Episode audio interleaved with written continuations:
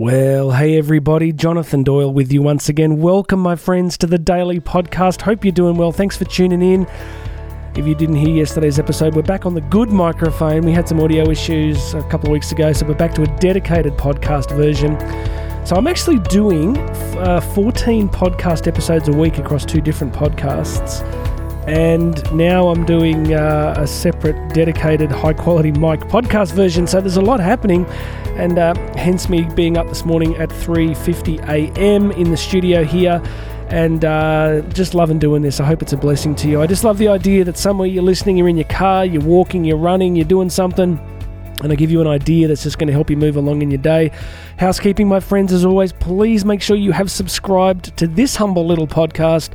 Uh, wherever you're listening, Apple Music, Google, Spotify, just hit those subscribe options. It means a great deal. It helps the podcast to grow and get ranked.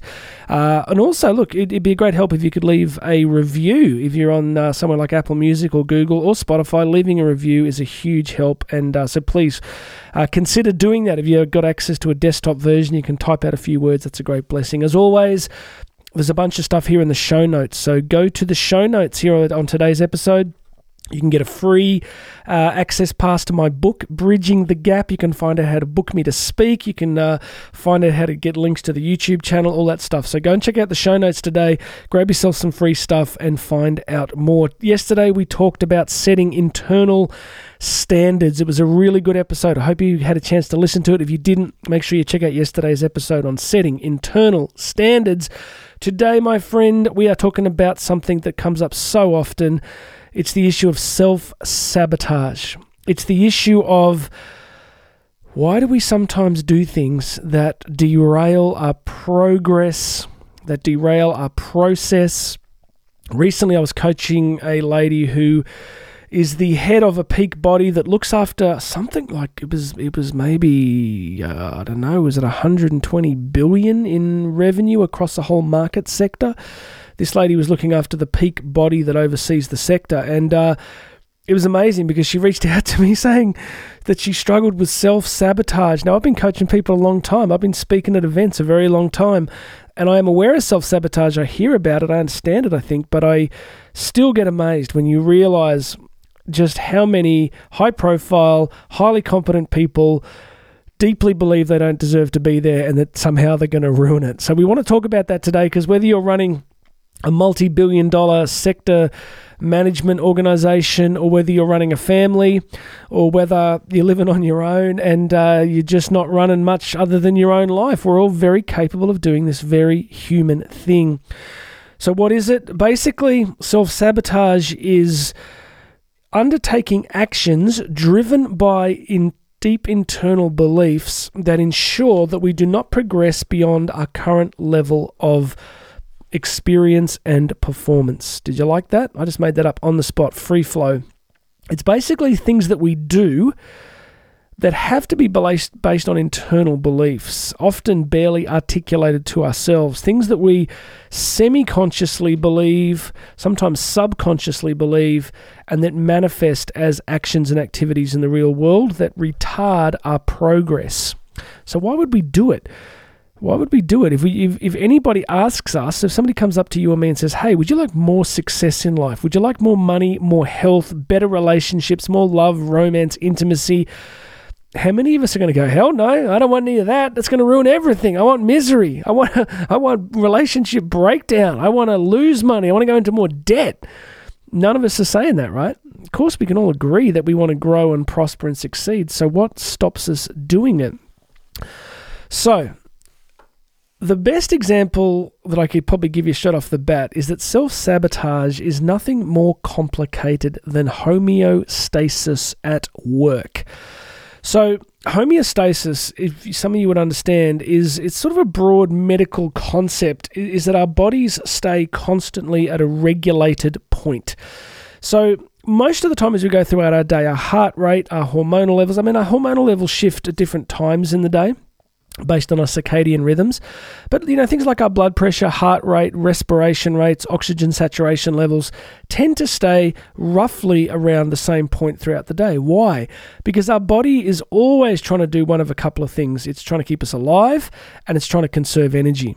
So our body has learned over millions of years of adaptation and evolution to do the least possible to keep us just functioning in the most efficient way. Now imagine you're walking along, a snake jumps out in front of you, and of course, instantly your body goes into a, a sympathetic nervous system response. Your heart rate goes up, your hormone levels, uh, epinephrine, adrenaline go through the roof, uh, respiration rates change as you go into fight or flight. But then after that, you'll notice that even if it's you know scary, that eventually your heart rate, your blood pressure, all that stuff returns to the baseline. So that's the example. Another way to think about it is here at the moment in Australia, it's winter and it's a really cold winter for us. It started really early and it's really cold. So where I live in our home, we have you know really great heating. You just set this little dial; it's a magical button, and of course the thermostat just operates that way. It just holds the house at that temperature. It senses the environment and it just keeps everything on the same level. So you're not getting these huge fluctuations in temperature. Self sabotage, my friend, operates very similar to a thermostat. It's basically we get conditioned to a certain level of joy, experience, romance, intimacy, success, finance in our lives. And something deep within our psyche likes to keep us just about where there, just about where we're used to. Which is you could see the evolutionary advantage of that, right? Like when we were living in caves, it was kind of like we wanted every day to look pretty much like the one before for most of our evolution as a species, surprise, change was not a good thing, right? If the weather changed dramatically, if the tribes around you changed dramatically, if there was a sudden change in disease or pestilence, that was a really bad thing. So we what we wanted as a species was predictability. We wanted huge amounts of predictability. So it's almost as if our evolutionary journey has taken us along this path of predictability and stability. But we're not faced with those challenges anymore. We live in a world now where we can create extraordinary change in our lives because there's all sorts of optionality that never used to be there. Uh, my, you know, we uh, we my daughter's homeschooled. I, I run her home education, and um, she's amazing. You know, she's just grown so much through this process, and we're doing a lot of world history. And you see that for most of world history, you go from the pre-modern times through through modernity it was really about survival. Like the vast majority of people didn't read, they didn't have optionality. They, you know, you were either a serf working for the local baron or you were, you know, working for subsistence agriculture just to get enough food for the day. It's only very, very recently in the human journey, historical journey, that we've had optionality. You know, you go back to something like the Magna Carta, you see this first time where things like you know, there was this vague idea that the king and the barons couldn't just steal all your stuff because they felt like it. There was this, you know, and then we come through the the Renaissance and we start to see this flowering of kind of new ideas of governance and art and music and literature, and all of a sudden, you know, yesterday in, in history with Olivia, we were doing the Gutenberg printing press, and I said to her, I said, it's the arrival of the Gutenberg printing press that suddenly allowed vast numbers of people to first learn to read and then have access to texts that previously had only been available to the elite or to the super rich, to kings and queens, and, to, and they were kept usually in monasteries. So, all of this is my way of saying that the evolutionary protectionism that we've lived under for so long has become less important in these last few hundred years. So, what have we got? We've got a system where we can cognitively say to ourselves, you know what, I would love my life to be different. I want to lose weight. I want to make more money. I want to get out of debt. I want to do this, that, and the other. But we've still got this kind of evolutionary system inside us that wants to hold us exactly where we are. What drives it, the other mechanism that might be useful to you to think about, is it's driven also by the fact that we equate change as being more painful than staying exactly where we are. So, to lose that weight might require changing diet, require more exercise. Basically, our brain equates that with pain.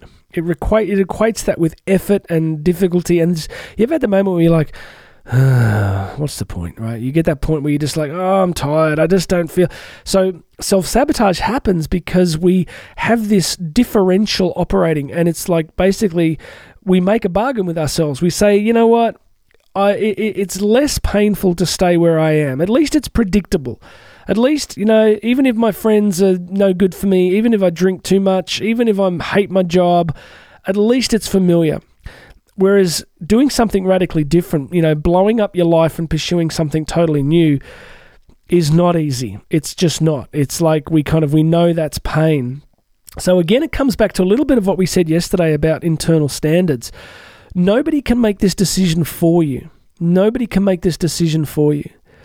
You know, give what are some practical examples? It's like, you know, you'll you'll get a promotion and then start having huge, you know, getting stressed out and then fighting with people and then you just give it up and walk away. Or you get in a relationship but then you have control issues and after a certain amount of time you get really suspicious of the other person it's almost as if deep within inside we, we whether we feel we don't deserve something or that we're going to be exposed. That's another part of self-sabotage. We think everybody's going to find out that we're not adequate we're not up to it. Well if this helps here's a tip. We're not. We're not up to it. We're not adequate. None of us are. For just about you know we're just not. No one's perfect. None of us are going to be utterly brilliant all the time and one of the fastest ways to stress yourself out is to have the expectation that you're always going to be, you know, just perfect and have everything sorted out and be the best leader, manager, parent, spouse, boyfriend, girlfriend, athlete. We're not going to do it. You know, what we're going to do is approximate our potential. We're going to we're going to keep pushing towards the best that we can do with what we've got by setting high internal standards. But you look at someone like Brene Brown, who's made an absolute career out of basically the concept of vulnerability of going, tell the truth, be honest, just go tell people the truth. I often say that to leaders, like just for crying out loud, stop trying to be impervious and perfect and just tell the truth.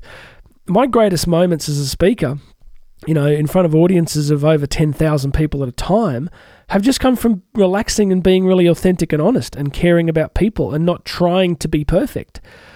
So, what are we going to do? Let's wrap this up. How is self sabotage manifesting for you? It could be uh, health and well-being, diet and exercise, relationships, finances, debt, career, promotion, work relationships. I think it's a little bit like breaking the sound barrier. I don't think you can just calmly wander along the path of incremental change. I think what we need to do is sign up for a radically different self perception. We need to sign up for a radically different sense of self. We need to sign up for I'm sick of where I am. It's not working for me. It's not okay anymore. I'm going somewhere else. And then just making that firm decision to just go for it and get on with our lives.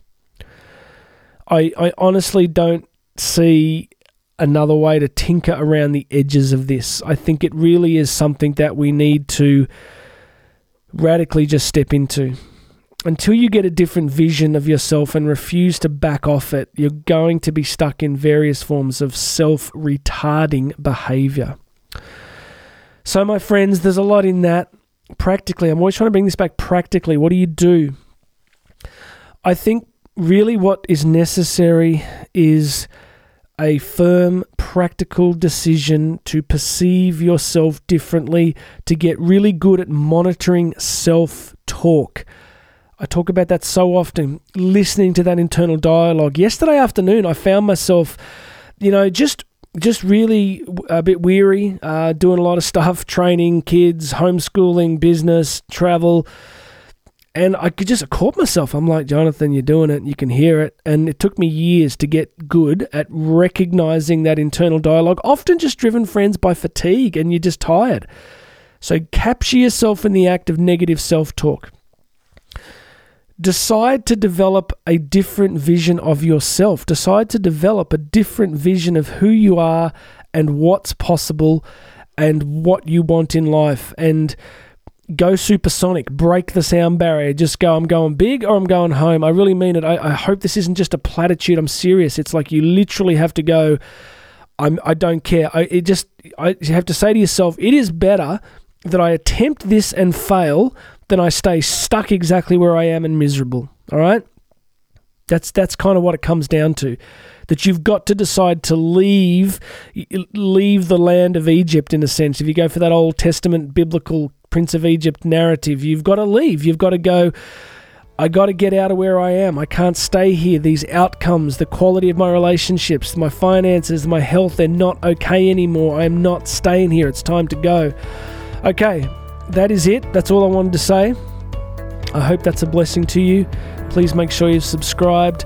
Go and check out the show notes to grab a bunch of free stuff. You want me to come and speak at your business, your school, your organization, your conference, reach out to me. There'll be a link there in the show notes to contact me and we can build something very specific to whatever your event or purpose is. All right, everybody, God bless. My name's Jonathan Doyle. This has been the Daily Podcast, my friend. You and I are going to talk again tomorrow.